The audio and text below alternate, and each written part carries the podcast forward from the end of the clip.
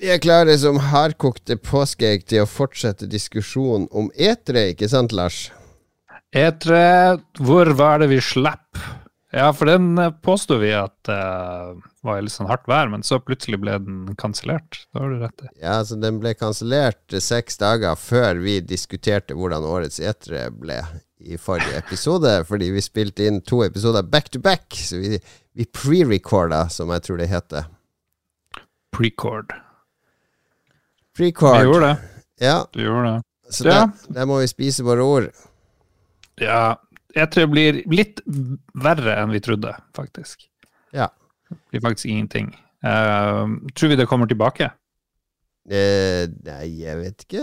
Hva tror du, Mats? Det er ingen fare, folkens, fordi vet dere hva som kommer tilbake i år? Nei? PC Gaming Show! Ja, det blir det. Det blir det. Så vi trenger ikke E3 når vi har PC Gaming Show. Uh, ja, det er for så vidt Nei, det var en, um, det var en trist og krampeaktig død til E3. Det, det må vi kunne si. Det er jo slutten på en æra. det helt opp, men uh, det ser jo dårlig ut. Ja, det ser veldig dårlig ut. Det er liksom ikke så lett å vite hva man skal gjøre for å vekke det til liv igjen. Men uh, vi, har, uh, vi har jo vært på etere og kasta bort masse tid og penger, Lars. Så for oss er det ikke noe stort tap. Livet går videre. Ja, vi hadde vel neppe dratt dit uansett. Jeg vet ikke sånn. hva annet som skulle være sånn type event for uh, unge folk som skal opp og, og bli eh, opp og frem i spill influencer-sjangeren. Da må du, uh, må du bare sitte og streame, liksom. Håpe at du er en promille av de som blir populære, liksom. Du må Og være jævlig edgy med- på Twitter og få masse følgere. Eh, Twitter, det Ja, ja. mm. Jeg lurer på hvor mange prosent av de som streamer på Twitch, eh, har et sånn betraktelig publikum. Jeg Jeg tror tror de eh, sånn har 90 fem 90 seere. 90 av de som streamer på Twitch, har to viewers, eller noe sånt. Ja. det, Twitch er egentlig veldig trist for det meste, men uh, det er jo noen som blir store, da. Hjelper hvis du har store pupper og sånne ting, da. Det tror jeg. Da, da ligger du godt an. Er det lov å si? Jeg tror det er Da får du automatisk publikum. Ja, Eller hvis du er pen, attraktiv, er jo en fordel. Uansett om du er jente eller gutt. Hvis du bare ser bra ut, så har du jo øyeblikkelig bedre sjanse på Twitch, vil jeg si. Men det er jo litt, for det er jo, det er et videoformat. Det er jo det samme som hvis du skal bli populær på TV, liksom. Det hjelper jo at du ser bra ut.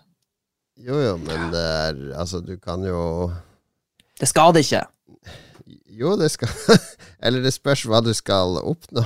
Hva slags publikum er Altså, du får jo ikke eh, Kanskje ikke Husker du en gang vi, eh, vi Når vi drev og tok opp episoder live, Lars, og så plutselig så gikk vi fra de 20 nerdene som gidder å sitte og se på oss eh, spille inn, til plutselig var vi sånn 60-70 stykk, og det var fordi ei som heter Miss Reka raida oss, og hun var en sånn her som satt gjerne i Eh, og jeg viste frem litt sånn der eh, cleavage, og eh, jeg satt og gama da, men eh, var, bodde oppe i Trondheim et sted, og så hadde hun funnet ut at nå skulle hun slutte Slutte sin stream, og så bare raida hun Lolbua. Så fikk vi inn en hel bunch med Med med idioter. som bare, Hva faen er det her for noen gamle gubber som sitter og prater om spill? Altså, det var jo ikke folk vi hadde lyst på. Ikke sant? Snakk for deg sjøl. Jeg slo med en gang om, eh, viste cleavage, og som vi ser nå på streamen, masse cleavage. Det er- Ja. Nei, men det, det, dette er jo evig problem, og dette kjenner jo eh, Lars fra mediebransjen sin òg, at eh, det er jo ikke nødvendigvis det som er viktig som folk eh, klikker på. Det er eh, den rare poteten i Kvæfjord, og aller helst hvis den poteten ser ut som en naken dame eller noe sånt. Er det den poteten du leser om nå, Frank, Lars? For nå er du veldig distrahert. Jeg er ikke distrahert, jeg bare sitter og nevler med noen sånne her, eh, ting. Nei, jeg har, jeg har store nyheter å komme med, men eh, ja. Er det et, eh, enda en potet? Nei, eh, sånn en halv, for en halvtime siden så dukka det opp uh, et minne på Facebook. Det det er elleve år siden faderen døde, og, og i 2013 så skrev jeg 'Å, trist dag, eh, pappa døde for et år siden'. Jeg savner den her karen, og så lenker jeg til pappa sin profil. som var bare en sånn eh, profil han hadde. Jeg lurer på, jeg tror kanskje han hadde bilde, men han godtok aldri min venneforespørsel. Han hadde ingen venner, han bare var der for å se hva som skjedde. Og nå, eh, når jeg trykka på den lenka til faderen, så kom jeg frem til Derek Shim, som er politisk redaktør for Harstad Tidende. og har gått på Tromsø gymnas osv. Uh, så det er noe som har hacka min døde far, og det er nå bilder av ei sånn her uh, semi-cleavage-aktig dame som nå har masse rare venner som heter Jesus Lugo og Omar Buitama og sånne ting. Så hvis det hadde vært en, en, en sånn lang profil hvor man kunne se ting faderen hadde delt sånn, så hadde jeg jo blitt trist. Men han hadde jo ingenting der, så det er jo ikke så ille. Men uh, Derek Shim har altså Eller noen som sier de heter Derek Shim og er dame, har tatt over min fars uh, Facebook-profil. Så det var veldig Ja. merkelig. Ja, det er jo Altså, når folk dør, så har du jo muligheten til å gjøre Facebook-sida om til en sånn der eh, slags minneside, eller sånn obituary-side, så vidt jeg har skjønt. Ja, jo, du Da kan blir gjøre det. Da blir den låst, på en måte, tror jeg. Ja. Nei, det, vi gjorde ingenting uh, med det. Så det er jo et godt råd for uh, folk hvis uh, faren din dør i 2011, 2012, Mm. så bør du, bør du låse den med en gang. Ja, man kan sende Ellers så kommer det sånn puppedame og tar den over. Men hvis mor di dør, så blir du sikkert bare glad for at det blir liksom puppebilder og sånn der, så ser du ung ut igjen. Er det det du sier? Ja. Du, det var bare ja. far din du kunne råde Ja, ja, ja. Nei, alle må bare ta over mamma sin nå, før hun dør, ja, faktisk. Ja. Nei, men jeg, jeg kan jo si jeg, og jeg har uh, avinstallert Facebook fra telefonen og sånn, så nå er jeg, jeg har ikke vært på Facebook på Nei. to uker, faktisk. Ja, det, det gjorde jeg noen år tilbake, og det er utrolig deilig. Ja. Dere er ikke journalister som leter etter de gode nyhetene på sosiale medier. Nei, eh, mamma, hvis du hører på det her, du må, vi har, jeg tror vi har beskytta hennes Facebook-side ganske bra. Men jeg lurer på, bør jeg gjøre noe med den der, han der Derek Shim, eller hun? Du bør Er rapportere det, det til Facebook. ja, men det er umulig å komme i er kontakt med Facebook. sikkert en veldig Det er rapporteringsfunksjon på Facebook. Så du bare rapporterer det, og så skriver du eh, altså, hvorfor du rapporterer den. At det er uh, noen som har tatt over sida, altså hackere, eller hackere er det vel ikke, men det er svindlere som bruker den sida no, til, å- ja, til å lage profiler, så de kan uh, selge til andre som vil påvirke. For det er jo en verdi i profilene jo lengre de har vært aktive, ikke sant? En helt fersk profil, den eh, er lite pålitelig når den slenger ut eh, ting i kommentarfelt, mens en profil som har eksistert i tita, over ti år, den eh, anses jo som pålitelig, ikke sant? Den stoler man i høyere grad på. Det er bare å rapportere, Stian. Rapporter, men skal vi se hva jeg kan rapportere. Rapporter. Eh, Finn hjelp eller rapporter. Utgir seg for å være noen annen. Hvem Riktig. utgir denne sida seg for å være? Meg, en venn, kjendis, en bedrift. Det er jo ingen av de delene. En, det er jo en, uh, far din er jo en venn, altså en, en slektning. Ja, men han utgir seg jo ikke for å være venn, han har jo tatt over kontoen. Så det er jo ikke noen som utgir seg for å være faren min. Falsk konto. Strider dette mot standarden vår? Les gjennom, og, så kan jeg trykke 'send inn'. Så jeg kan ikke forklare noe noen gang. Ah, Ja, jeg håper Mats, jeg håper, jeg, håper Mats har en sånn klagesak mot Komplett, så vi kan se, følge med når du skal klikke deg gjennom klageskjemaet sånn etterpå. Men det, poenget mitt er at det å, å gjøre noe med Facebook er ufattelig vanskelig. Jeg tror det er dritvanskelig å komme i snakk med et menneske. Jeg hadde noe sånne greier. Jeg hadde litt sånn lignende på Twitter, hvor jeg hadde to Jeg hadde egentlig to, to Twitter- Twitter-kontoer på to forskjellige e-poster. Og så hadde jeg glemt av den originale jeg lagde, så skulle jeg gå tilbake og bruke den heller, for det var liksom på den rette e-posten min, på en måte, den jeg bruker mest. Og da hadde jeg det, på et eller annet vis, så hadde noen klart å, å ta over den kontoen. Eh, og da skulle jeg bare si til Twitter Yo, den Twitter-kontoen der, eh, den er min. Eh, Den er Mhm. fortsatt knytta til min e-post. Eh, fordi hvis jeg trykte sånn 'glemt passord', så kom, kom det tilbake til meg. Men det var, ja, det var en helt latterlig tung eh, prosess. Og jeg, på inget tidspunkt snakka jeg med en person i Twitter. Jeg måtte bruke sånne automatiserte systemer, eh, det ene etter det andre, for å få det tilbake til slutt. Men det var Ja, jeg tipper Facebook er like ille. Så ja. Bullshit. Konklusjonen er det suger. Og eh, ja. Hold dere unna sosiale medier, folkens. Alt du trenger å vite, får du vite og å høre på Lolbua. Sånn som for eksempel eh, du får info om eh, den nye Super Mario Bros.-filmen. Den har jeg vært og sett i påsken. Ja, den har du sett. Fikk du, fikk du med deg at han John Leguizamo, som spilte i den første Mario Bros-filmen, han var sur for det er ingen av latino opprinnelse som spiller i den nye. Det er bare sånn eh, whiteface-aktige greier. Nei, som sagt, jeg er ikke på Facebook og Twitter lenger, så jeg får ikke med meg sånne bitte små stormer i vannglass som kan bli overskrifter i VG med folk som raser mot et eller annet på internettet. Så det, det får jeg ikke med meg lenger. Dessverre. Men det var ikke jeg klar over. Jeg vet ikke om han eh, Ja, han Kristoffer Kristoffer Robin, eller hvem var det? Victor. De er jo Mario og Luigi. Kanskje noen av de har litt latinogener? Det vet jeg ikke. Jeg hørte med norske stemmer, nemlig. Ja, jeg lurte på om jeg skulle ta med stedattera for å se den. Er det anbefalt? Ja, det er en fin, uh, hyggelig film, det. Uh, den får jo litt uh, middelmådig kritikk overalt. Slakt av Erlend Lo og sånn. Ga vel terningkast to i Aftenposten.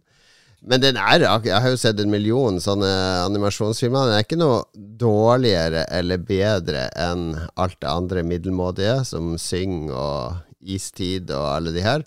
Den er akkurat like masete, akkurat like høyt tempo. Eh, men den er liksom full av referanser vi kjenner. Ja, ok. Eh, hadde filmen blitt bedre med han, eh, han Charles Martinet, som jo har stemmen i spillene? Han fikk jo ikke lov å være med her. Tror du filmen hadde blitt bedre med han i Han har Mario? en cameo i filmen, men det funker jo egentlig ikke på norsk. For det er jo ikke Nei. Charles Martinet som har stemmen til eh, Men jeg skjønte hvem han var i filmen. Ah, ja. Men det hadde ikke blitt noe bedre med han. Altså, det, det er jo Det er jo det er en Mario som er rørlegger i New York. Men drar han å si 'Oh, my pasta! Oh, mamma mia'? Ja, han, gjør, han prater jo sånn sørlandsdialekt, for det er jo han Christopher Robin, så er det mer sånn uh, Å, herregud, spagettien min! Jeg har sølt utover hele gulvet! Gudda Gud og mye sørlendinger- mas og kjas. Er sørlendinger Norges svar på italienere? er jo da Ja, det er litt rart, fordi broren han Luigi er jo han Victor som prater trønderdialekt, så det er en veldig rar oppvekst de har hatt å være tvillinger. eh, To forskjellige dialekter. da. Ja, det er, er ett av flere sånne plotthull, da. Hvis vi går inn på bariofilmen.plotthull.no, så har jeg dokumentert alle plotthull i filmen. Ja, Veldig bra. skal sjekkes ut.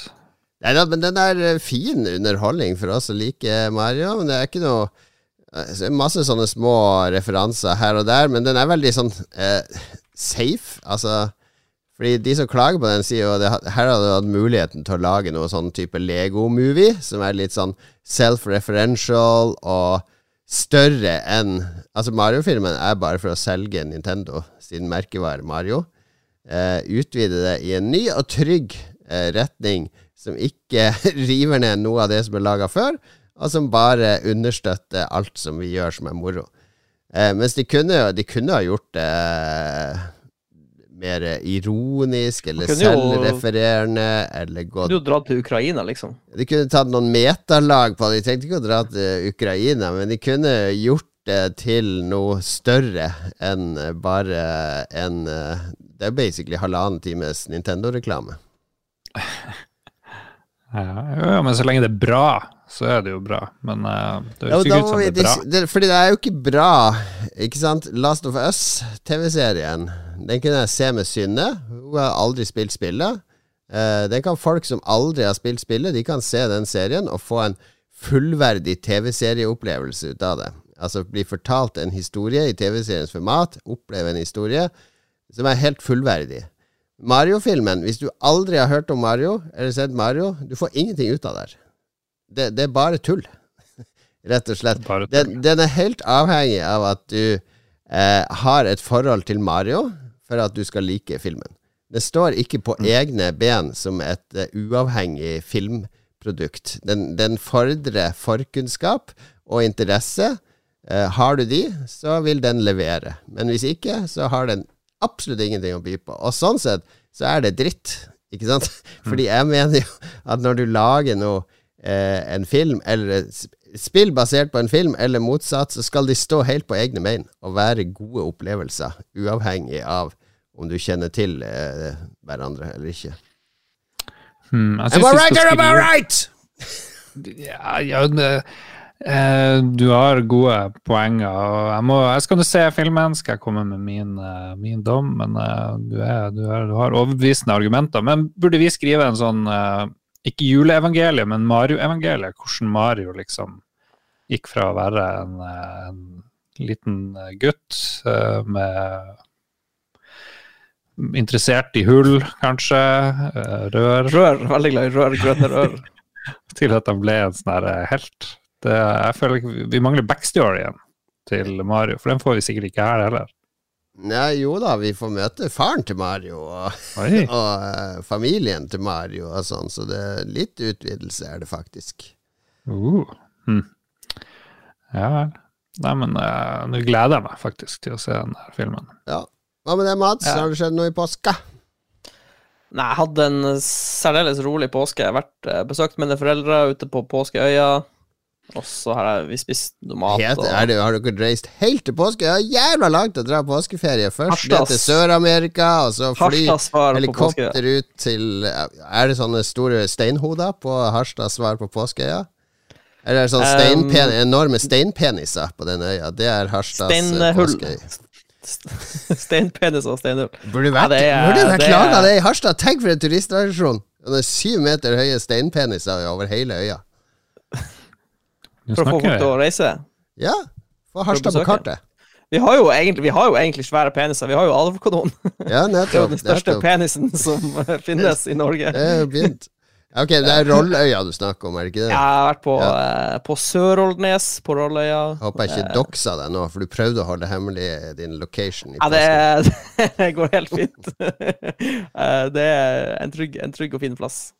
Nei da, det har, vært, det har egentlig vært veldig, en veldig rolig påske. Og så dro jeg hjem eh, på eh, lørdag på, Jo, for jeg har vært hos han Lars. Var ikke lør, lørdag vi var hos deg, Lars? Jepp.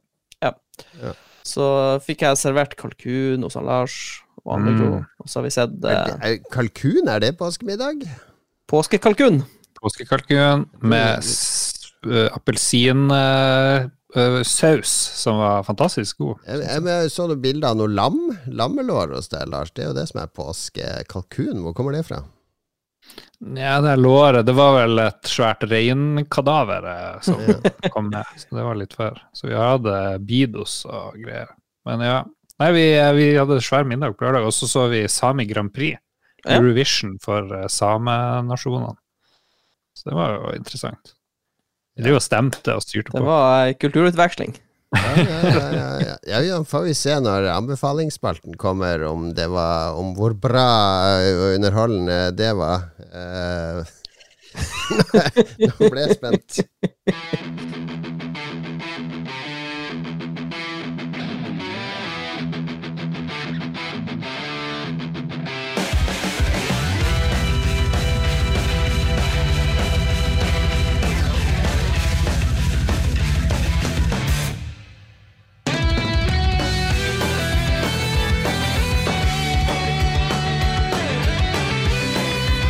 Musikk fra det litt ukjente slåssespillet Cyberbots.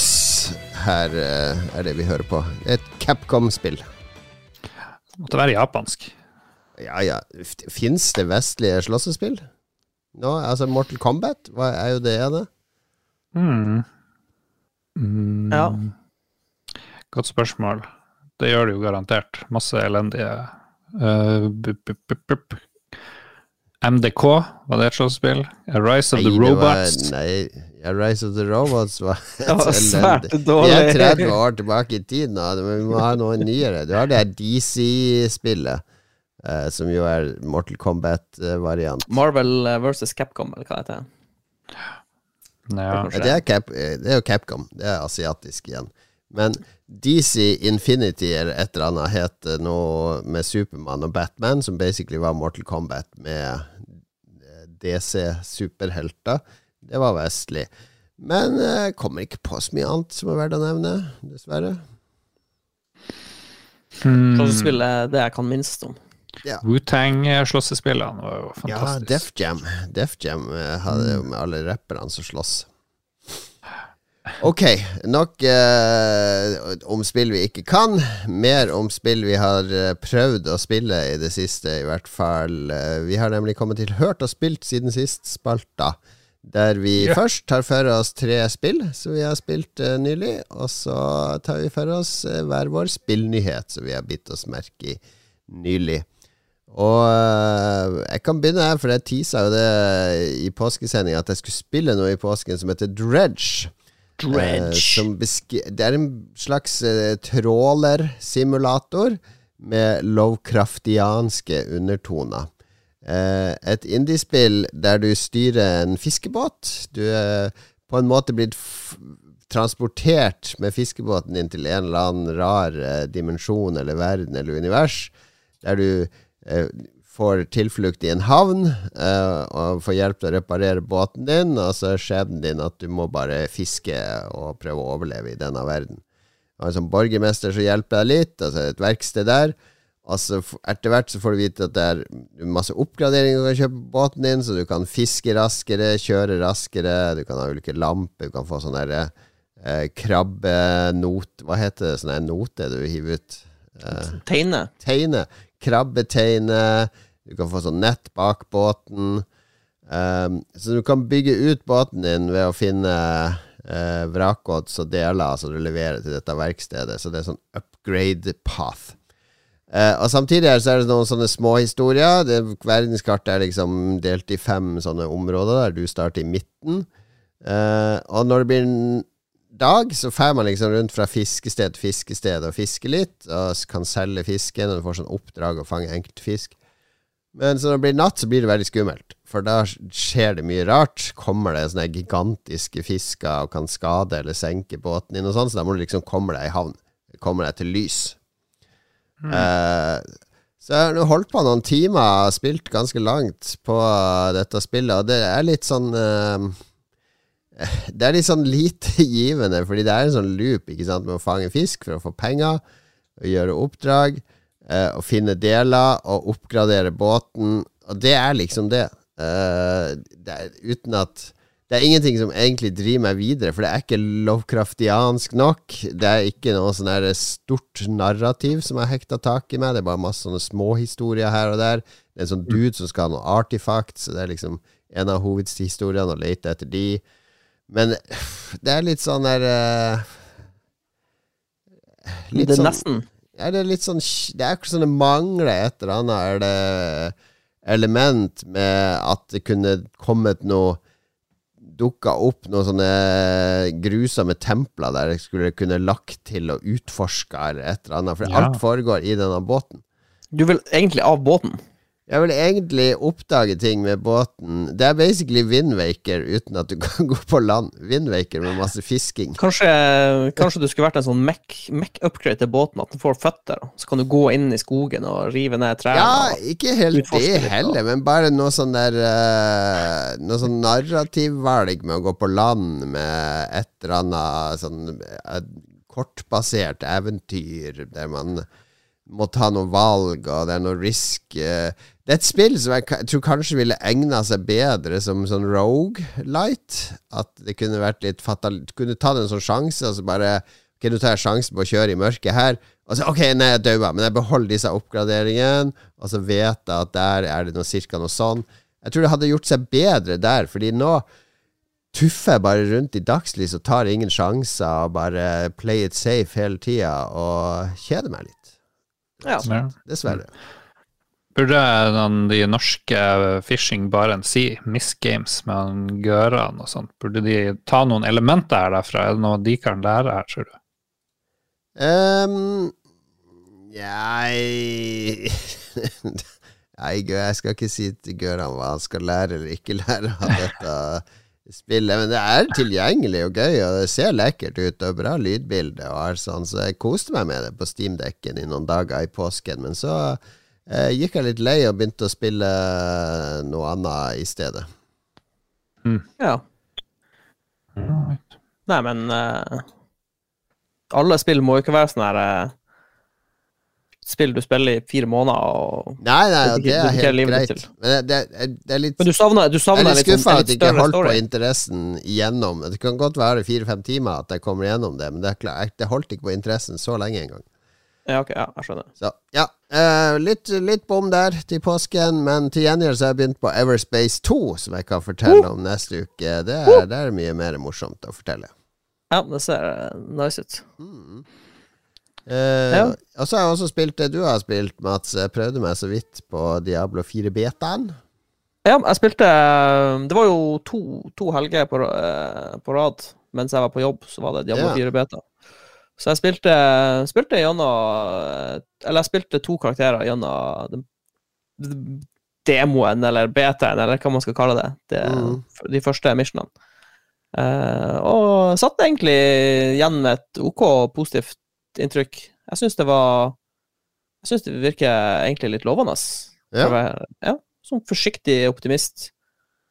Uh, den, eneste med den betaen foregår jo på level 1 til 25, så du får jo ikke Sånn som barbarklassen mangler en sånn spesialisering, uh, så du får ikke du får ikke følelsen av hvordan klassen egentlig kommer til å bli. Diablo er vel endgamet. Det er vel det som er Diablo. Diablo er jo uh, I hvert fall, om ikke endgame, så er det i hvert fall når du nærmer deg maks level og har, og har flasha ut karakteren din, og driver og moser rundt og, og kvester monster. Og så er det jo det aller viktigste i Diablo og Path of Exile og alle de action-RPG-ene, er jo hva gjør du på maks level? Hva er endgamet? Ja. Uh, og i Diablo 3 så er jo Jeg vet ikke om jeg er alene, men jeg er i hvert fall kjempelei de her eh, Greater Riftene. Så jeg er jo veldig spent på hva er det de skal gjøre i Diablo 4? Hva blir det, er det ikke blitt litt sånn åpen verden nå?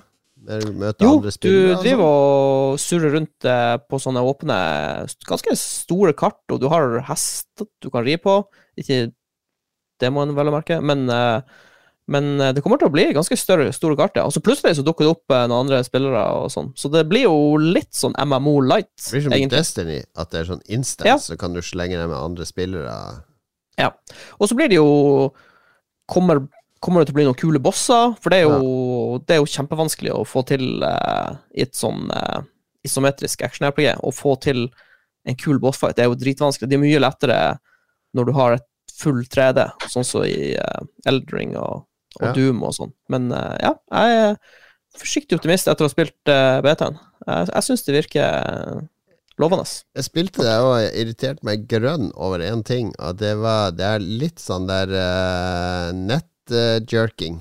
altså, Ja, jeg er jo på nett. ja det Så håper jeg. jeg kjøper, kjører en sånn fullspekka PC, 170 frames i sekundet, og så driver og løper bortover markedet, så går Ja, Av og til så plutselig- rykker det litt. Rykk! Plutselig rykk. blir du dratt, og så blir du dratt tilbake. Du går frem, og så bare whoop, Ja, også, men det rykker litt. Det er ikke silkemyk frameoppdatering. Det rykker litt pga. den helsikes nettkoden. Det skal være på nett hele tida. Og det var nesten nok til at jeg bare Det her gidder jeg ikke. Det, er- det er ikke. Jeg har ikke betalt én million kroner for denne PC-en for å sitte med sånn, eh, eh, rykk, rykk, eh, Ja, det, det skjønner jeg. For jeg hadde, jeg hadde litt annet inntrykk, for jeg satt på en, en fire år gammel laptop. Så det jeg gjorde, var at jeg skrudde alt ned på low, og spilte på det absolutt laveste, og ble positivt overraska over hvor bra spillet ser ut på de absolutt laveste grafikkinnstillingene. Ja, ja, det gjør det. Men ha- den der jerkinga får du jo likevel, for det har ikke noe med settingsen din å gjøre. Ja, det, det- er med at den skal hente kan jeg- ting på nettet, og at det er litt sånn delay. ja. ja. Nei, de, de, må få, eh, de må få smootha ut sånne ting. Ja, fiks det, Blizzard. Fiks, fiks det og kulturen deres og det Bill Cosby-rommet og alt det driten. Fiks alt det der og få bort den der Kotik, så, skal, så er jeg sikker på at det blir bra. Når du ikke nevnte Destiny 1, så kom jeg på hvor kult det var når du liksom oppdaga de der Oi, så er det en sånn svær vent der borte. Nå skal jeg bare heive meg med, og så er det masse folk som driver og jobber sammen mot en felles eh, greie. Det er eh, Destiny 1-opplevelsen. Det er lite som kan, eh, kan slå den, altså. Bortsett fra Destiny public 2-opplevelsen, som er det samme, bare enda mer. Ja, men det er for mye. Det er blitt sånn her Ja. Too much, Mista. too much. Too much. Jeg har spilt Lunark, et uh, sånn enmanns, stort sett utvikla spill, som er en sånn nesten blåkopi av Flashback, som eh, mange yeah. spilte back in the days. Ja, stemmer det. Du visste meg der. Det så jo uh, ganske Det så ut som en ganske grei kopi av Flashback. Ja, det, alle animasjonene er nesten kliss like. Eh, det ser ut som det er, er alt foregår. Det er sånn 2D. Plattform, skyte, puzzles uh, osv. Som du får å springe rundt i en veldig fargerik eh, sånn her 16-bit-ish eh, verden. Det som er litt artig, det var jo han som står bak det hele. Han er en sånn eh, retroentusiast som lagde masse sånne fake utgaver av, av eh, klassiske spill, men som om de skulle se ut som de var på en Gameboy Color eller Gameboy. Advance eller noe sånt. Og så fikk han så god respons på noe av det, så han kickstarta det her Lunark, da. Som egentlig er en sånn der eh, flashback uh, Another World-hyllest. Det er liksom alt er likt fra sånne cutscenes i i, i, når du plukker opp en ting, det kommer sånne cutscenes små i, i flashback, og det samme er her. Det er sånne roboter du må skyte på. Alt ligner helt. Så det, det, det gir meg mange gode følelser, men det er ganske kjedelig. Det er litt sånn boring. Det, dessverre. Han klarer ikke å tilføre noe, Noe noe nytt. nytt. I hvert fall ikke på de timene eh, jeg har, har eh, spilt på Switch. Så jeg blir den en Switch-mann. Oh Spilt yes! masse- Det er liksom den plattformen jeg har brukt mest i det siste. Hvem skulle tro det? Men den er jo perfekt i sånn retro-ish eh. Ja, perfekt når du har eh, fått familie og ikke kan uh, bare dominere hele stua og TV-en med et eller annet voldsspill når du har lyst. Ja, det er et veldig godt poeng. Det det. Så Lunark, fuck, fuck den driten der. Uh, bullshit.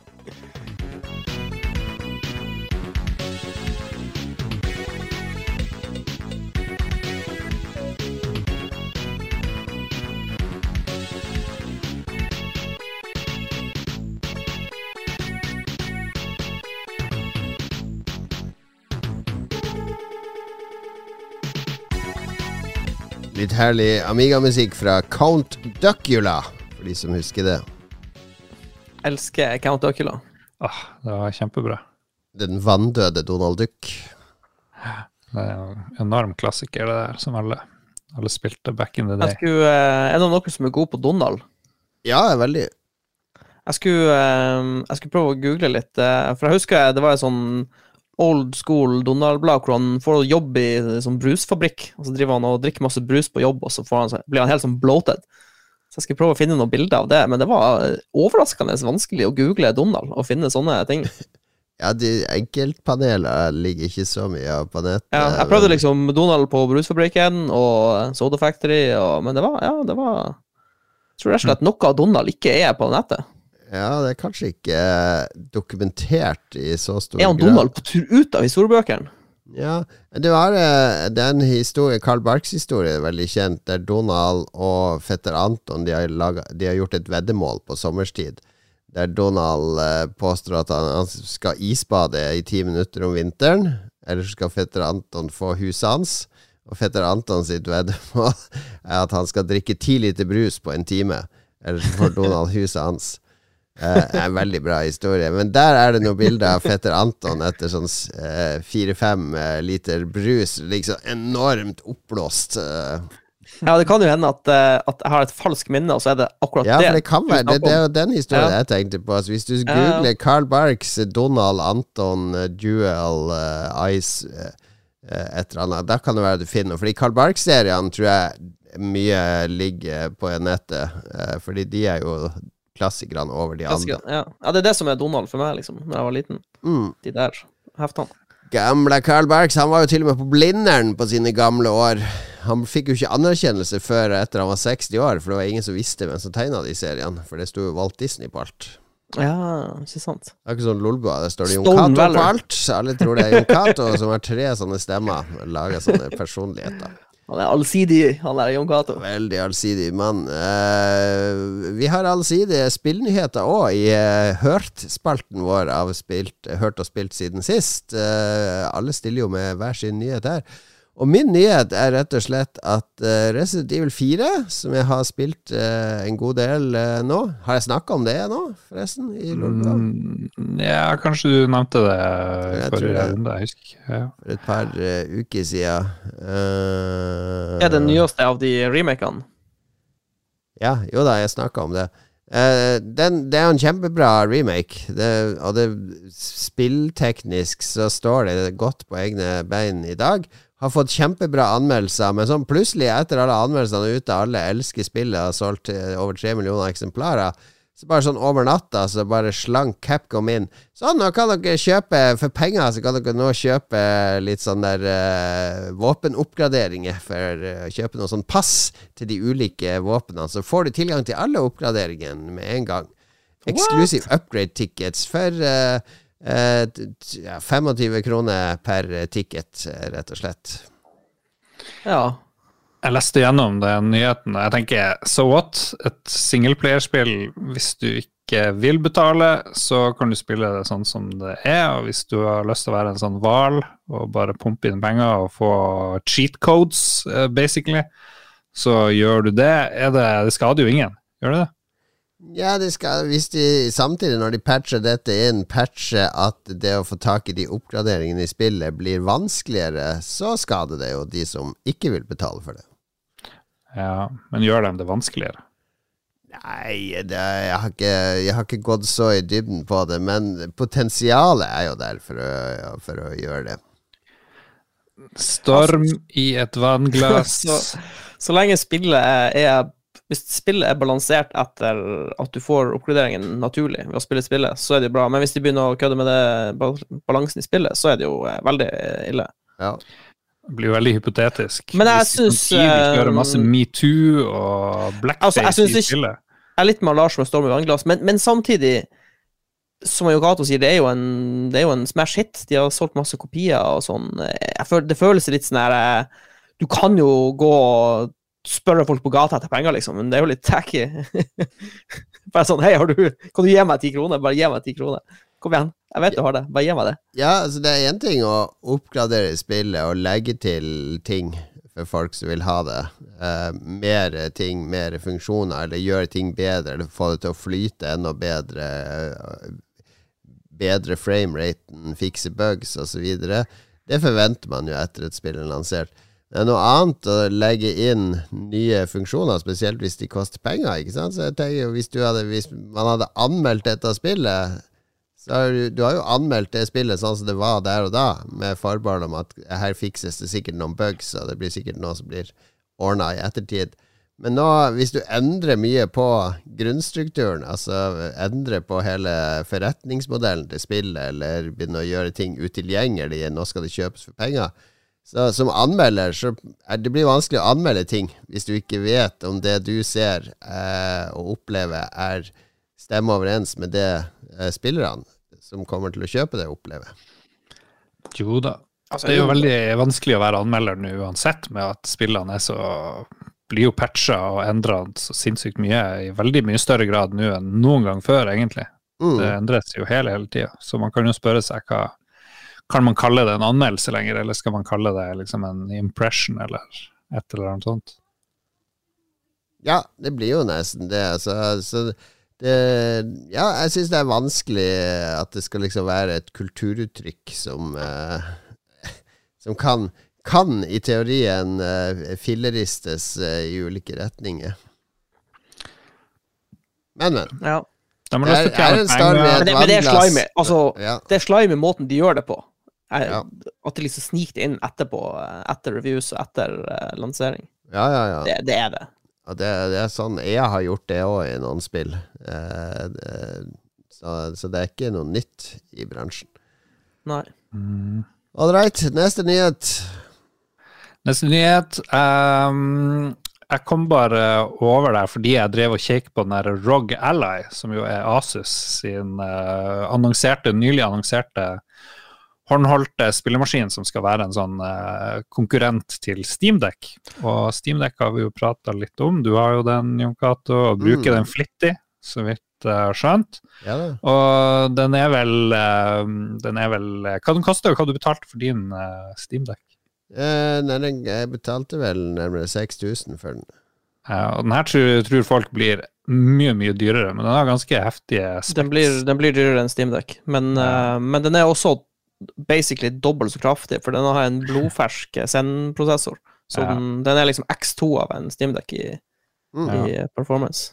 Så jeg liker min Switch, men vil gjerne ha noe lignende som, som kan være litt mer beefy. Kanskje spille masse retro-shit fra, fra andre maskiner. Um, og siden jeg drev og kjekk på sånn, så dukka en annen nyhet opp om at de tror Steamdeck vil selge tre millioner til sammen hittil i år. Ja, så, Det eh, høres jo for så vidt bra ut, spør du meg. De virker som en, en slags hit. ja. Syns dere ikke det? ja, jeg tror det, men problemet til Steamdeck er jo tilgjengelighet. Sånn som vi som bor i Norge, vi kan ikke bare bestille Steamdeck på nettet. Vi må importere det fra det store utland. Eh, og der tror jeg Rog Ally Så vidt jeg har skjønt det, så kommer det til å bli en sånn internasjonal tilgjengelig sak. Så den blir lansert i Danmark, Norge, Sverige, Storbritannia, Tyskland, USA. Ja, det er jo bra, hvis- for det, det klarer jo ikke Valve å gjøre. Nei, og hvis du er nysgjerrig på den Rog Alley, så har han Jeg så Jeg, så, jeg fikk opp i YouTube-algoen eh, en som heter Dave 2D, som vanligvis eh, ser på sånn laptoper og sånn. Han, han har fått prøve den, da. Ja. Eh, og den så utrolig imponerende ut. Bare sånn Men den kommer Ja. jo til å koste 10 000 spenn minst i Norge. Jeg tror dessverre at det, Ja. dette blir en 10 000 det blir ikke ting. noe Switch til uh, 3000, blir- liksom. Eller 2500, eller hva den, Den blir, no, den blir litt dyrere, det er jeg nok ikke i tvil om. Ja. Og så ser jeg andre drive og spekulere. Kommer Sony? Eh, Jeg vet ikke helt hvorfor de har spekulert i det, men noen driver og lurer på kanskje Sony kommer til å komme med noe håndholdt. Det hadde vært spennende, Ja, men jeg vet ikke det er jo ikke så imponerende tall hvis Steamdeck når 3 mill. i år. Altså Det er veldig lite sammenlignet med Switch, f.eks. Det er mindre enn PlayStation VR1. Uh, mye mer enn PlayStation VR2, som jo har floppa totalt, det har vi snakka om.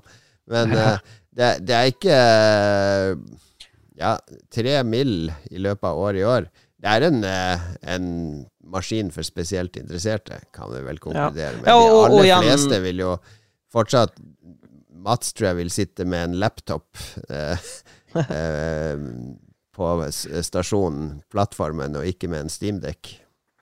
Ja, jeg har jo um, Jeg vet ikke Jeg bruker Folk har jo sånn forskjellige, forskjellige rutiner når de reiser, så jeg har Når jeg reiser, reiser så går det mye på musikk og, og leser bøker, eh, og så gamer jeg heller når jeg er i ro en plass, når jeg liksom Ja, ja. fram til plattformen, eller når jeg er hjemme, eller Jeg bruker ikke å sitte på bussen og game, liksom. Men, eh, men det er jo folk som gjør det. Det er folk som kanskje bare har 45 minutter eh, på, på, mens de kjører til og fra jobb, hvor de har tid til å spille. Og da, da er jo det genialt.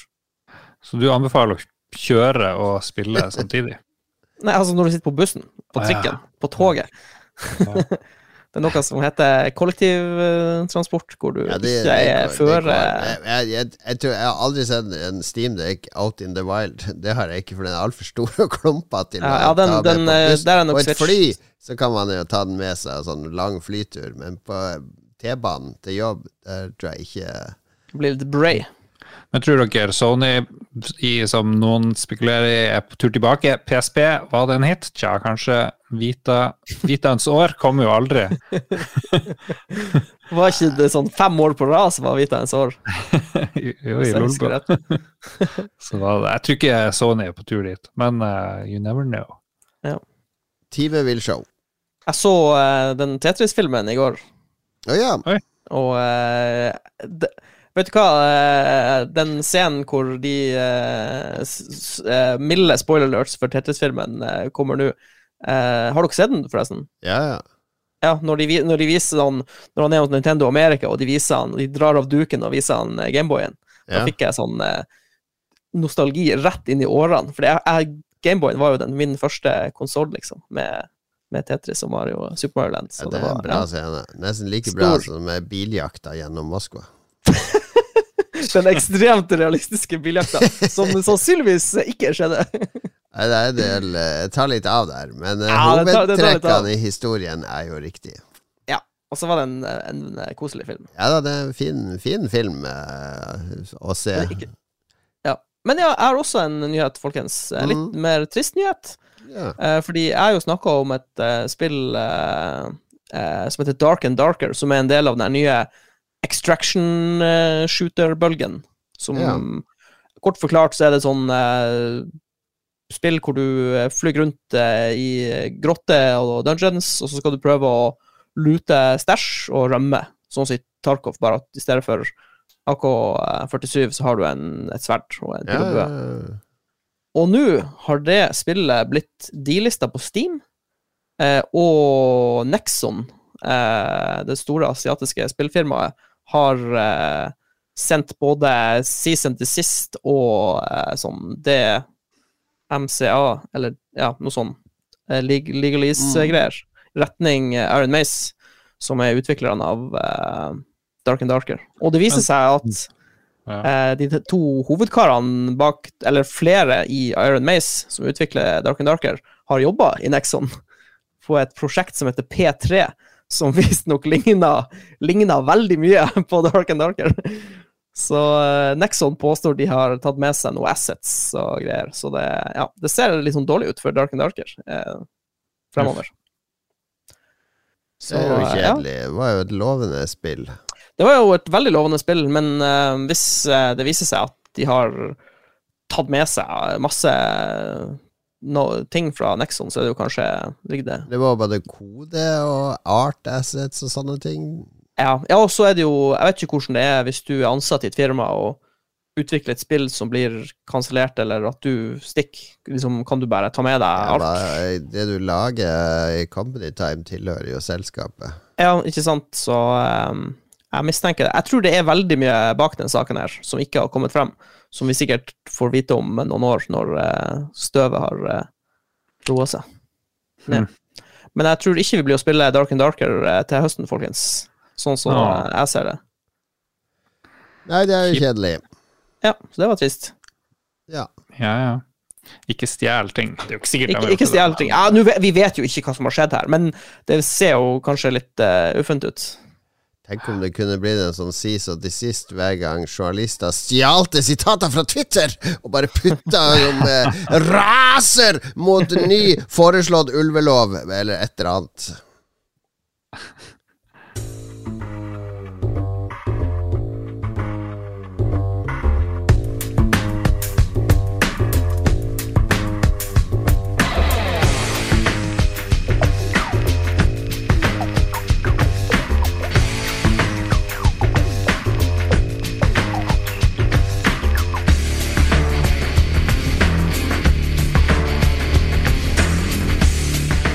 Igjen 1000 kroner, gutta, til den av dere som kjenner igjen hvilket spill dette er.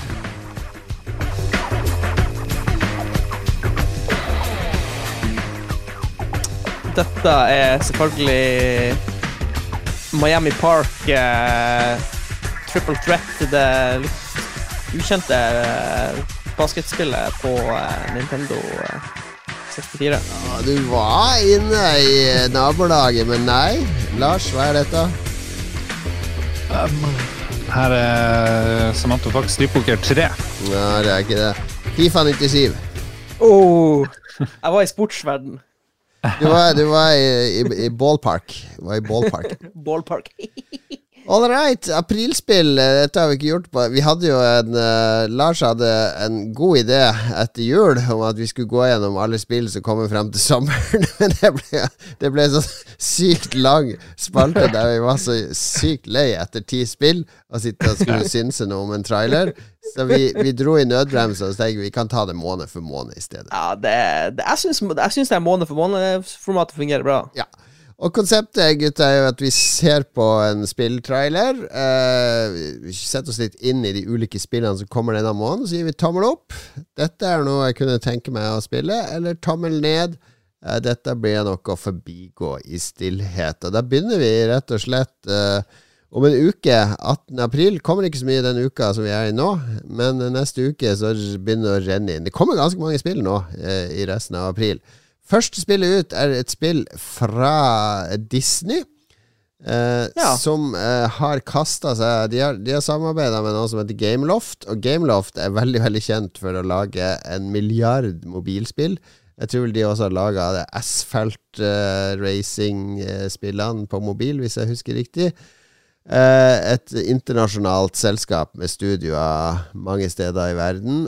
Og Disney kommer Det er et gratisspill som kommer til uh, Switch og flere andre formater, som heter Disney Speedstorm. Ligner veldig på Mario Kart.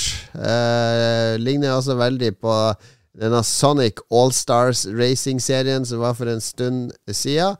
Også eh, grafisk så minner det meg veldig mye om Disney Infinity, hvis dere husker det. Det var jo Disney sitt svar på Skylanders.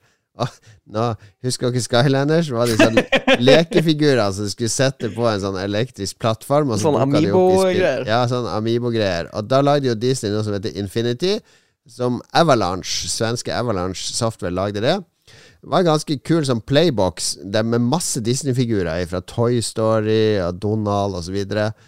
Og det, det virker litt som de har videreført det i dette racingspillet, rett og slett, som heter Disney Speedstorm.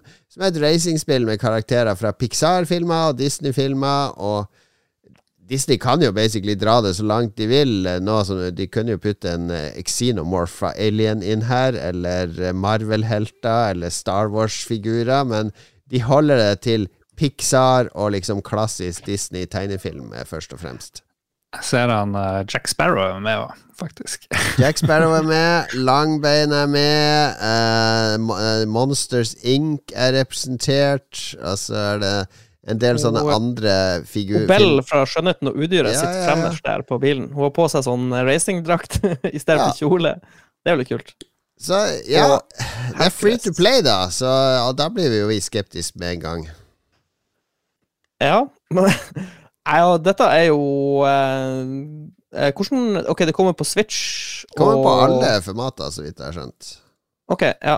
Det kommer jo sikkert til å få eh, 900 millioner downloads, og så kommer det være masse kids som spiller og koser seg med det. Og da har spillet lykkes i sin oppgave, Ja. tenker jeg.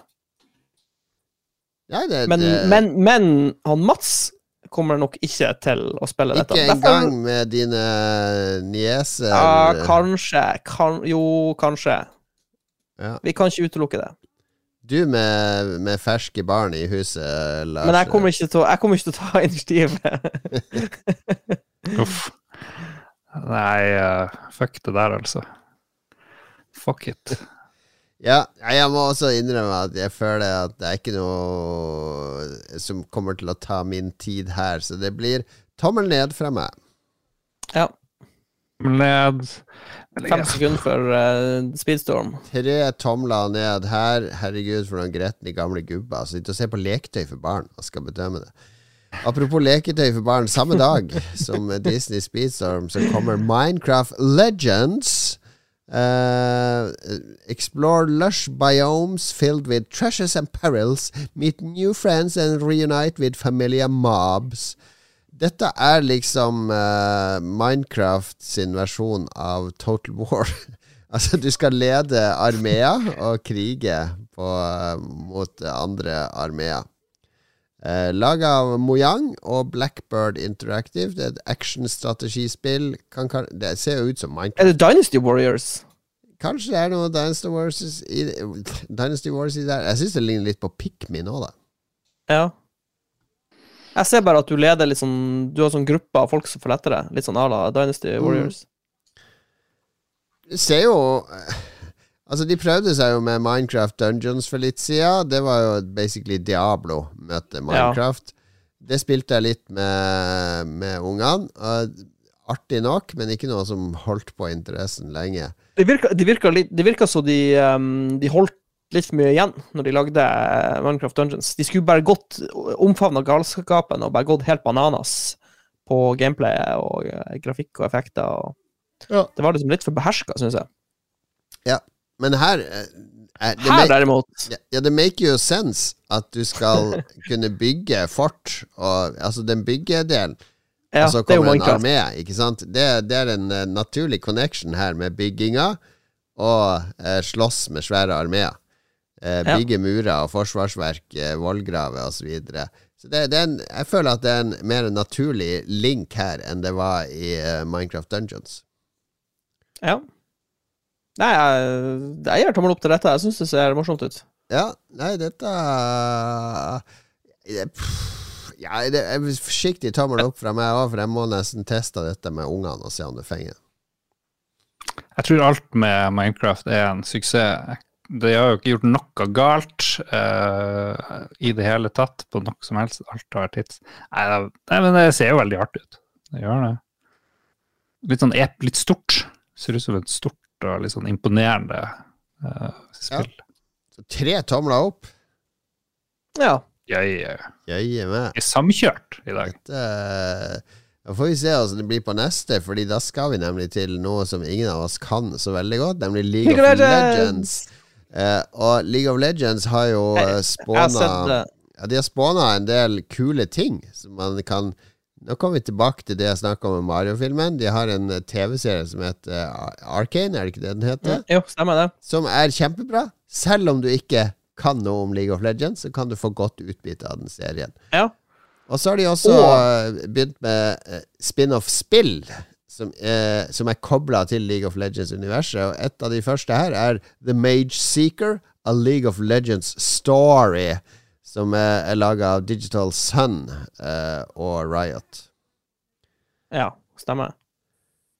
Og jeg, jeg kan, må innrømme jeg, jeg får, får ikke så mye ut av traileren. Det ser ut som en slags action, eventyr, RPG-type spill. Litt sånn 2D, Zelda eh, Indie Gi meg litt oh, sånn er- indie-vibber.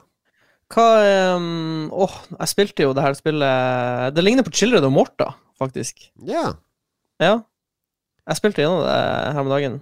Det, ikke dette, da, men Children of Morta. Men det ligner veldig på stilen og alt, egentlig. Det ser ut som du skal duellere eller slåss i noen sånne kamper der du kan stjele magi fra fiender og bruke det mot de osv.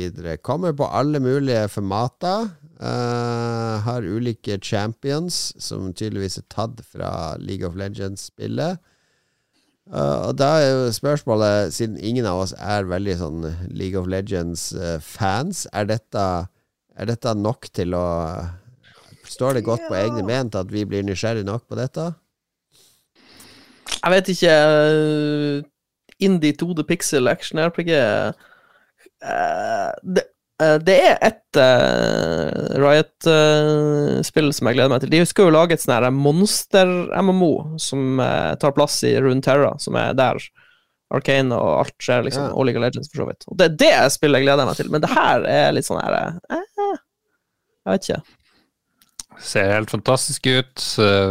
Gammel pikselgrafikk. Akkurat som det der Lunark som jeg spilte, som jo var Nei, det, jeg stoler ikke på trailere lenger, liksom. Det, det må testes. Det her er Nei, for uh, Jeg tror, akkurat dette frister ikke så Nei, det ser litt Jeg- shallow ut for meg Altså, noe Eh. Tommel ned. Tre Mats. tomler ned, er det det vi gjør? ned.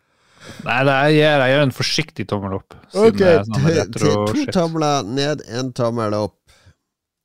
Gi meg, rundt her Runeterra-MMO, folkens. Da jeg, jeg, det blir tommel opp. Det var som Mage Seeker, det, så fikk én tommel opp fra Lolbuas ekspertpanel. Vi hopper rett videre til et spill som heter Stray Blade. Stray Blade. Nei, nei, ikke Stray Blade. Det er Stray Blade. Det er ikke Stray Stray Blade. Riktig. Som er um, Prove yourself in this action RPG and master intense combat while exploring the ancient ruins of mysterious civilizations. Litt mer cartoonish uh, Dark Souls, tror jeg vi bare sier med en gang. Mm. Ja. Kan det være en 3D-versjon av Mage Seeker, liksom? Det ser jo litt sånn ut. Du er på du- nytt spill, eh, Lars. Ja, ja. Nei, men det, det er jo samme Dette er ikke i Runeterra. Det har ingenting med League of Legends å gjøre. Nei, nei, Det er, en- men det er en eh, liten fancy. sånn uh, hyggelig, sånn hundeaktig dyr. Er det stray blade som mye at du har en stray, en, en eh, herreløs uh, hund som uh, følger etter deg? Er det noe der? Jeg vet ikke, men jeg, jeg kan si med en gang at dette her ser ut til å Det her kommer ikke til å bli bra. Altså. Det er, jeg ser mye røde flagg i denne traileren her. Okay. Hvis dette Det er, er det beste de klarte å klippe sammen, så Så Nei. Tror, det er mange som ikke sant Som eh, til og med på Norwegian Game Awards, som jeg var i juryen på nå, så var det noen som prøvde seg med, på noe Dark Souls-klone. Uh, og det, det var kanskje ikke så bra som den traileren her, men det er et eller annet Det er ikke bare å kopiere den formelen og ha litt vanskelige kamper og litt tight kontroll. Det skal mer til for å skape eh, et sånn univers du vil forsvinne inn i og, og lide deg gjennom. Så jeg, Ja. tror dette blir dritt. Tommel ned fra meg. Stray Blade rett i dass. Ja, jeg er helt enig. Jeg føler Jeg var ikke eh, Jeg får sånn flashback til det der forferdelige spillet jeg måtte spille gjennom, med det er biomutant. Yeah. Så jeg, jeg har ikke trua på Stray Blade. Men har vi troa på neste spill, da? Dead Island 2. Jeg føler at uh, Jeg har ikke Dead Island 2, kom ikke det for fem år siden? Fordi Det er en Dead Island er jo remake. 100 år gammel. Er det en remake? Ja, ja, ja, jeg tror det. Dette er jo et nytt spill. Nei, er det det? Jo, det, er jo, det ble jo utsatt, Dead Island 2. Det skulle jo komme, og så ble det utsatt. Det er et helt nytt spill. Helt nytt spill? Ja, Ja, ja, ja. Greit nok. Om ikke 9 sikker. ja det er det. Dette er en oppfølger til videospillet Dead Island fra 2011, og den tredje Var det store delen. 2011 Dead Island kom? Holy Ja. shit. Holy shit. Ja, for jeg husker det var lenge siden.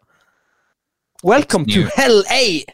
Ja, for jeg, jeg anmeldte vel Island én en gang i tida, og det jeg hadde noe sjarm, men det var jo et sånn Det var et sånn derre eh, korthus av et spill der jeg føler Ja. alt var bare patcha og limt sammen med strikk og binders, og det var egentlig helt forferdelig. Jo mer jeg tenker tilbake på det, jo sintere blir jeg. Og det siste jeg trenger i mitt liv nå, er en oppfølger til Dead Island, så jeg gir det to tomler rett ned.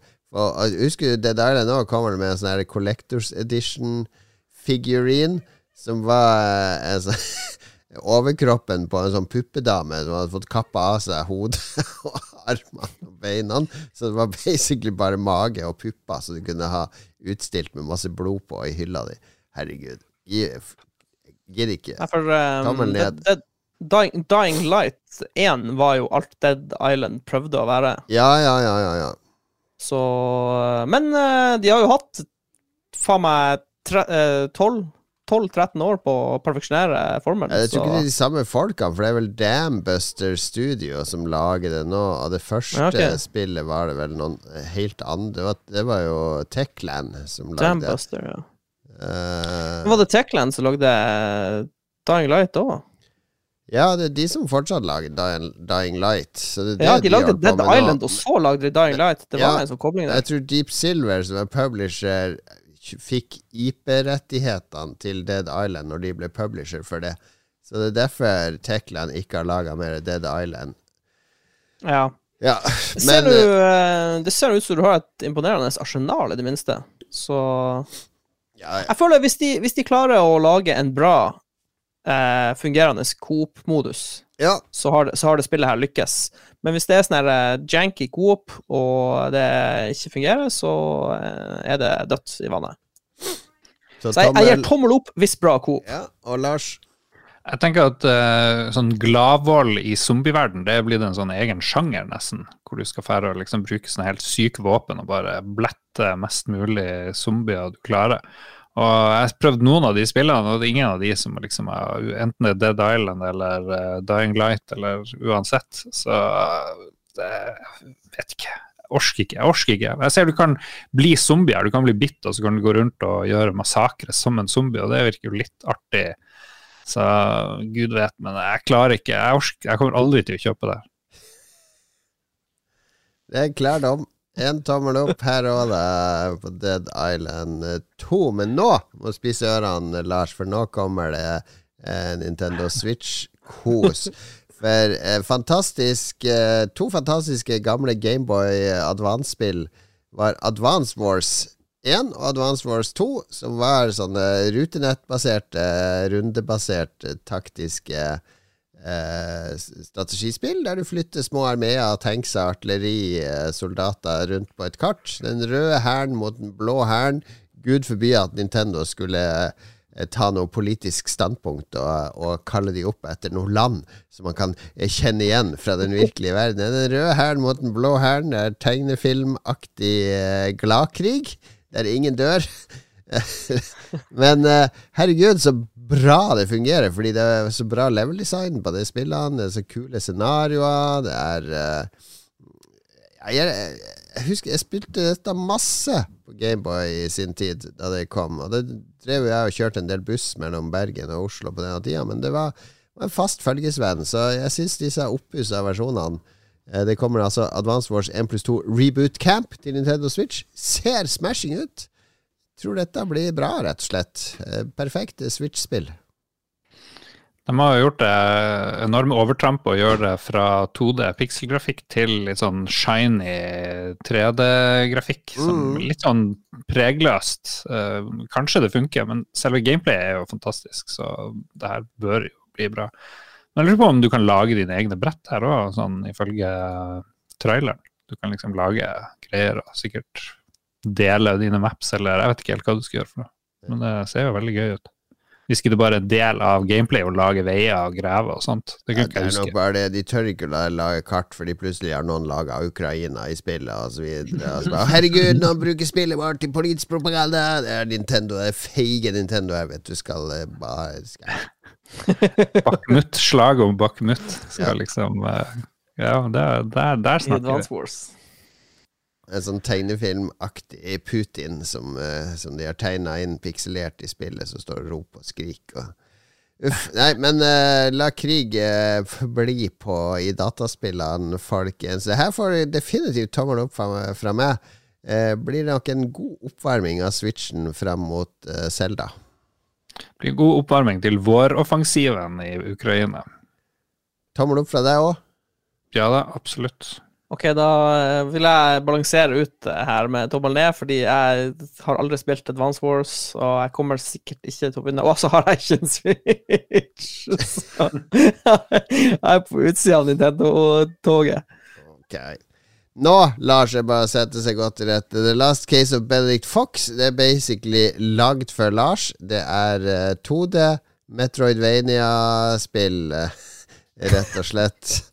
Um, Holy shit. Der du styrer en detektiv som har en demonkompanjong, og som uh, utforsker hjernene til nylig avdøde folk. Altså Han er en psykisk detektiv som går inn i hjernene til ofrene for å prøve å løse uh, sakene, mm. og et mysterium om et gammelt gammel villa. Og det skal være Lovecraft-elementer, litt sånn Tim Burton-aktig. Uh, ser smashing ut, rett og slett, i både animasjoner og mm. grafisk. 2D Metroidvania, da, du trenger ikke si noe mer. Da er det, da er det bra, altså. kan man håpe. Jeg syns dette ser spennende ut. Dette frister meg òg. Jeg tror det, det, ligger noe magi her, rett og slett. Tommel opp til Benedict Fox fra meg, i hvert fall. Jeg, jeg må også gi dette tommel opp, for det så helt eh, sinnssykt smooth ut. Mm. Lars har uh, permanent tommel opp til alt som ja, har ja. Metroidvania i seg. Så tre tomler opp til Benedict Fox! Og kan Star Wars hamle opp med det? Fordi helt i slutten av måneden kommer det nemlig fra Respawn og Electronic Arts kommer det et helt nytt Star Wars-spill. Uh, Jedi Survivor, som vel er oppfølgeren til Fallen Jedi, var det ikke det det het? Du er fortsatt han der gingeren. Cal Kestis. Ginger-jedien, som uh, oppdaga sine krefter i forrige spill. Altså nå har fått et enda større spill å boltre seg og utforske kreftene sine på. Det ser ut som man skal kjøre disse speederbikes i spillet. Masse exploration. Det som var bra med det forrige spillet, var jo at det var litt sånn Metroidvania-aktig, med litt sånn åpne kart. Så du besøkte steder du ikke kunne komme deg til, og så kunne du besøke dem på nytt senere når du har fått nye krefter, osv. Så så jeg Mhm. håper at de beholdt litt det. Det som var dårlig med forrige spillet, var jo at det ble jo rusha ferdig, så at flere av de Mm. levelene bar preg av Eller det var mye potensial der man kunne se. Uh, det var litt janky òg, liksom. Ja, what Ja, det var noen noe, det var noe bugs som plaga meg, i hvert fall. Men, men jeg elska å spille til tross for bugsen, så Ja. Runda du det, Mats? Men Det virka liksom det var litt for stort, liksom. Å, Men, men jeg har, har ambisjoner om å fullføre en av før 28. april. For jeg, jeg likte spillet veldig godt, men jeg tror, jeg tror eh, det var en sånn bug med noe eh, Jeg husker ikke, det var et parti på et brett, så eh, jeg tror faktisk det var noe galt med save-fila mi, eller noe sånt. Det var noe som var helt broken. Så, Jeg tror de eh, patcha det tilbake, sånn at det ble ganske bra, men eh, jeg, gidd- jeg syns det ble for stort, liksom. Det var for mange planeter, for mye jeg gjør, så jeg Ja. vet faen. Men man må jo ikke spille hele spillet for å kose seg. Nei, Nei, man, man må ikke det. Man må ikke det. Så jeg vil gi tommel opp eh, for til mer eh, Star Wars i, denne, i dette formatet. Yeah, right. Ja, jeg vil uh, ja, Jeg gir det tommel opp, jeg òg. Jeg syns det var Det føltes som et godt gammeldags uh, Star Wars-filmspill, det der Fallen Order, når jeg spilte det. Så ja, jeg, jeg satser på at dette innfrir. Uh, og Respawn er jo veldig gode. De er en, en god utvikler. Ja, enig. Og hva med Lars? Nei, jeg orker ikke. Nei. Jeg syns uh, Det ser ut som masse kule uh, characters som blir lagt til òg, når jeg ser gjennom traileren her. Ja. Jeg liker, jeg liker designet. Vi har troa. Meg og Mats. Lars derimot hater Star Wars. Oppskrytt. Siden du bare. Siden du bare. Jeg liker ikke en ny Star Wars, det bare tull. Du liker ikke den gamle. Ok, jeg, jeg skal prøve å selge deg inn på Jedi Survivor, Lars. Jeg tror du kan kappe sånne armer og føtter av stormtroopere nå, med lyshaven. Oi. Ja, ja. ja, ja. hjelper det på. Nja. Yeah. Nei.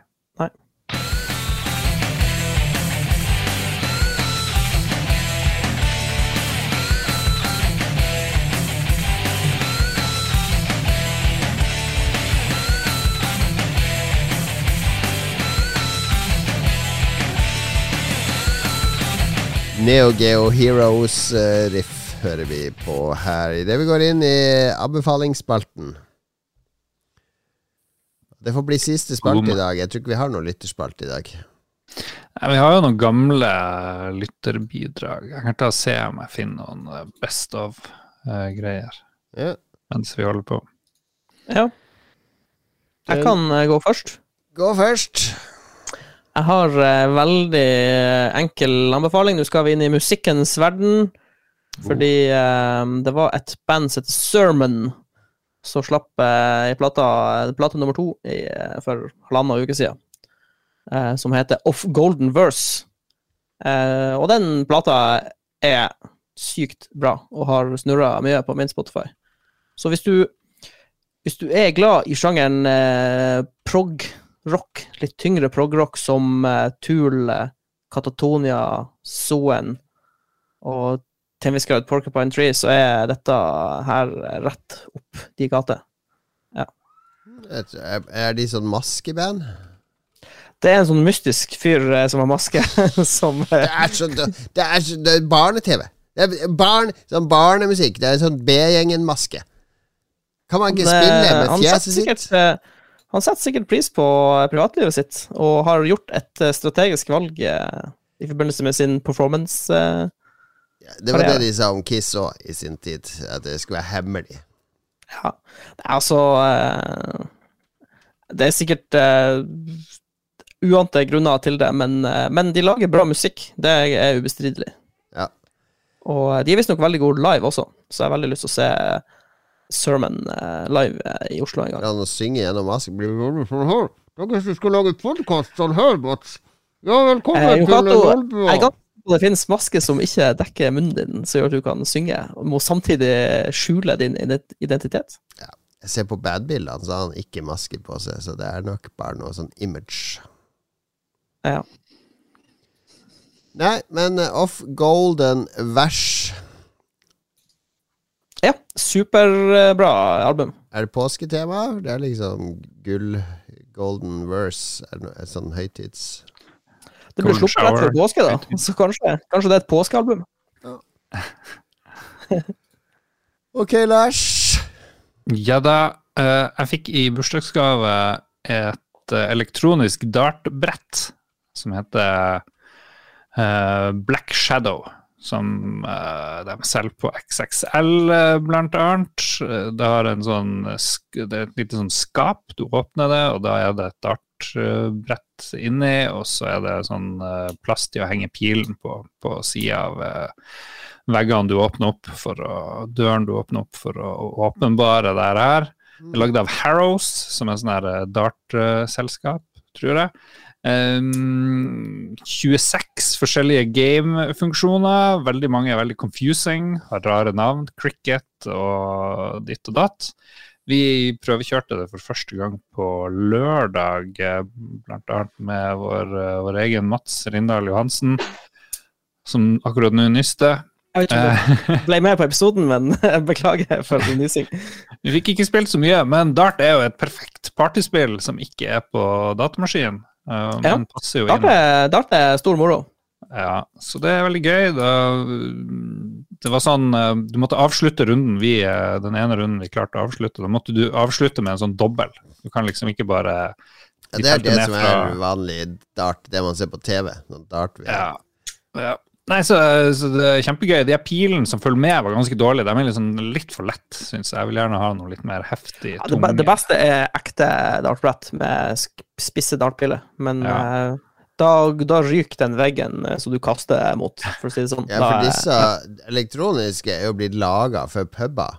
Fordi puber kan jo ikke gi fulle folk Spisse gjenstander. spisse dartpilen, så de jo I kaster England kan du øynene gjøre på det. hverandre.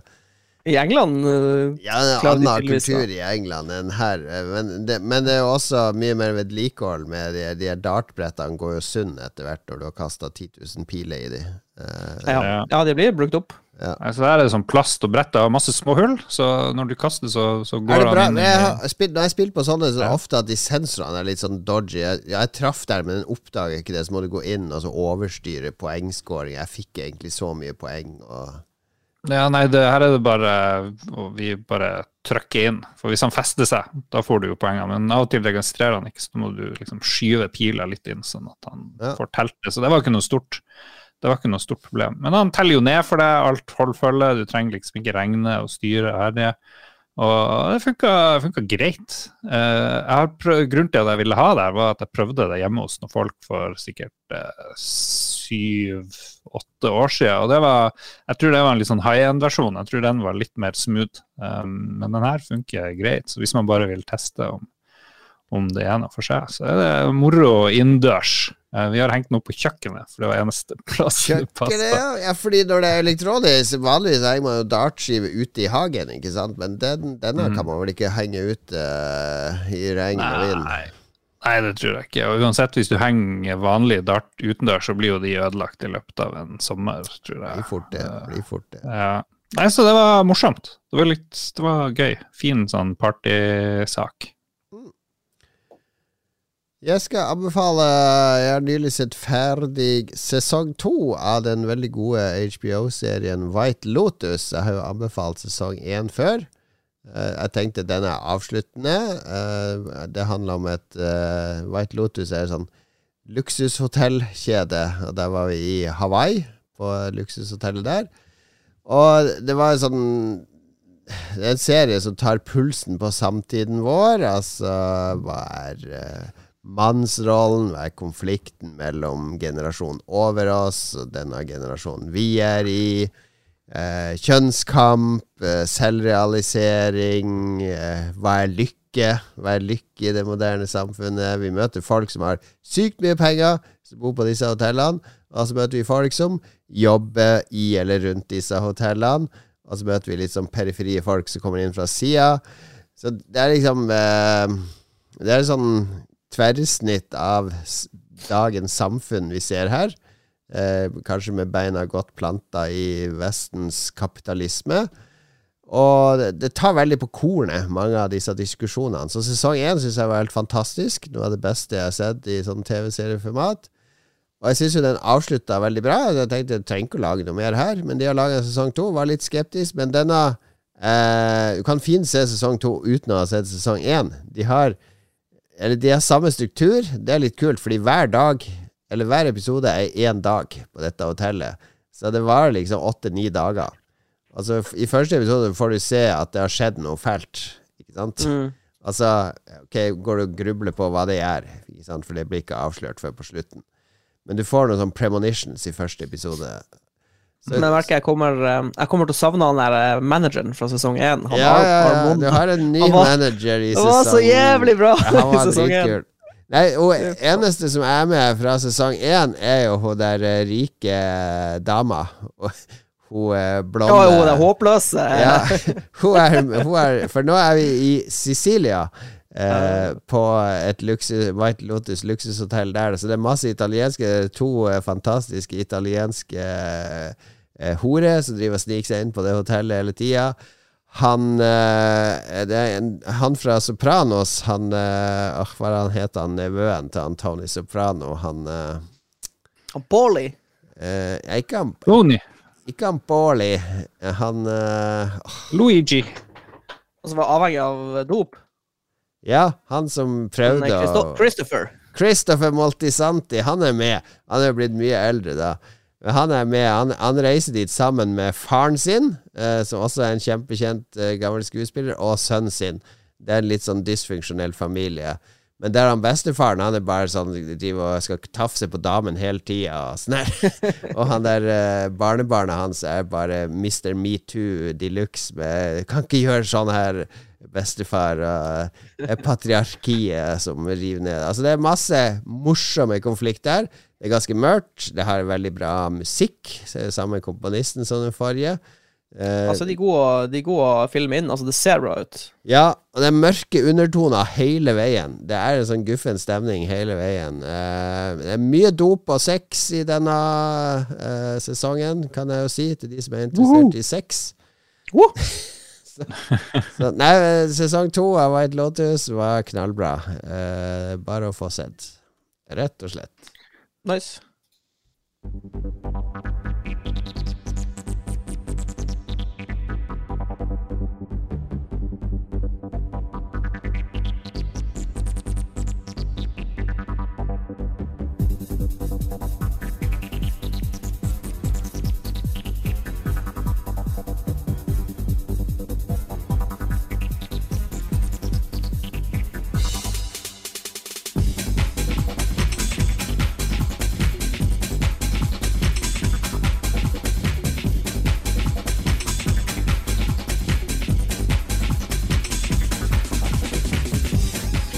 Litt artig britisk spillmusikk her fra eh, Peter Connolly og uh, Hva heter han? Mark uh, Zuckerberg. ja, ja, Mark Mark Cooksey. Knopfler. uh, Peter Connolly lagde vel musikk til mange av Tomb Raider-spillene, hvis jeg husker riktig.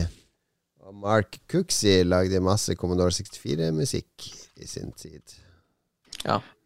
Jeg illustrerer at eh, hvis Commodore 64-musikere prøver å lage noe annet enn Commodore 64-musikk, så blir det stort sett bare møl, egentlig.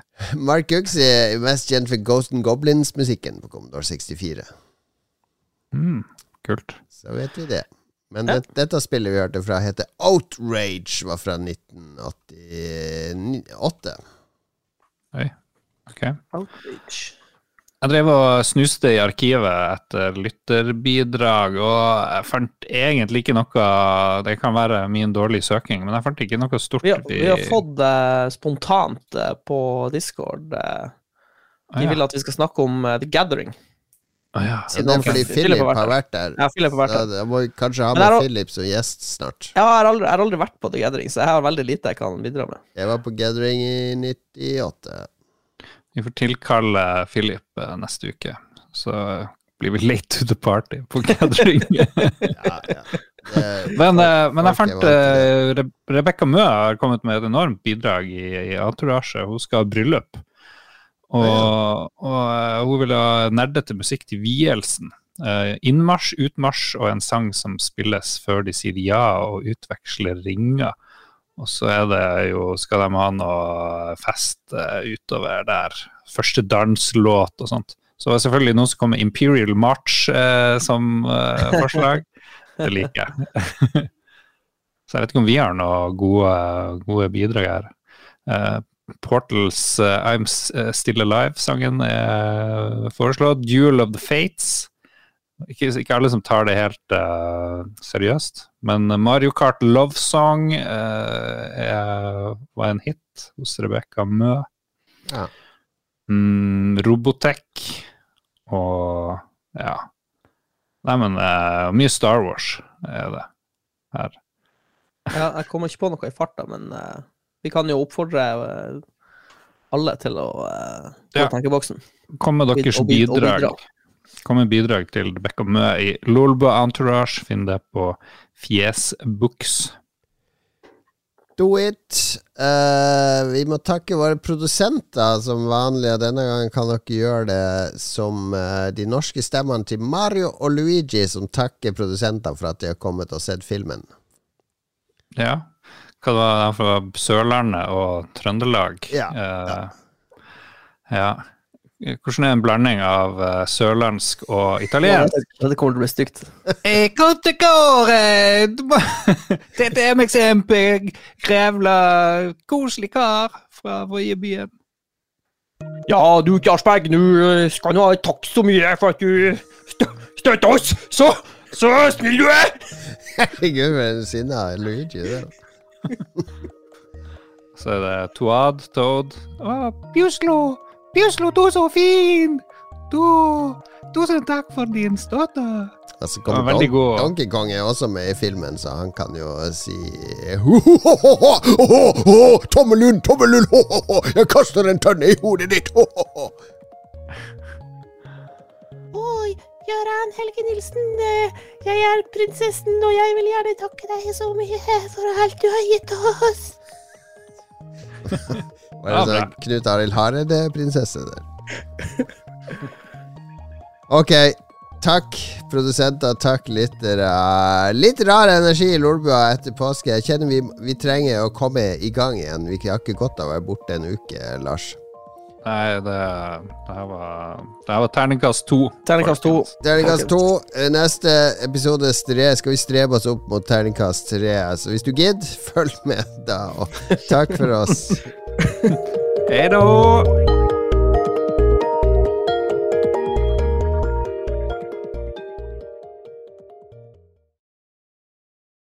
Har du et enkeltpersonforetak eller en liten bedrift? Da er du sikkert lei av å høre meg snakke om hvor enkelt det er med kvitteringer og bilag i fiken, så vi eh, gir oss her, vi. Fordi vi liker enkelt. Fiken superenkelt regnskap.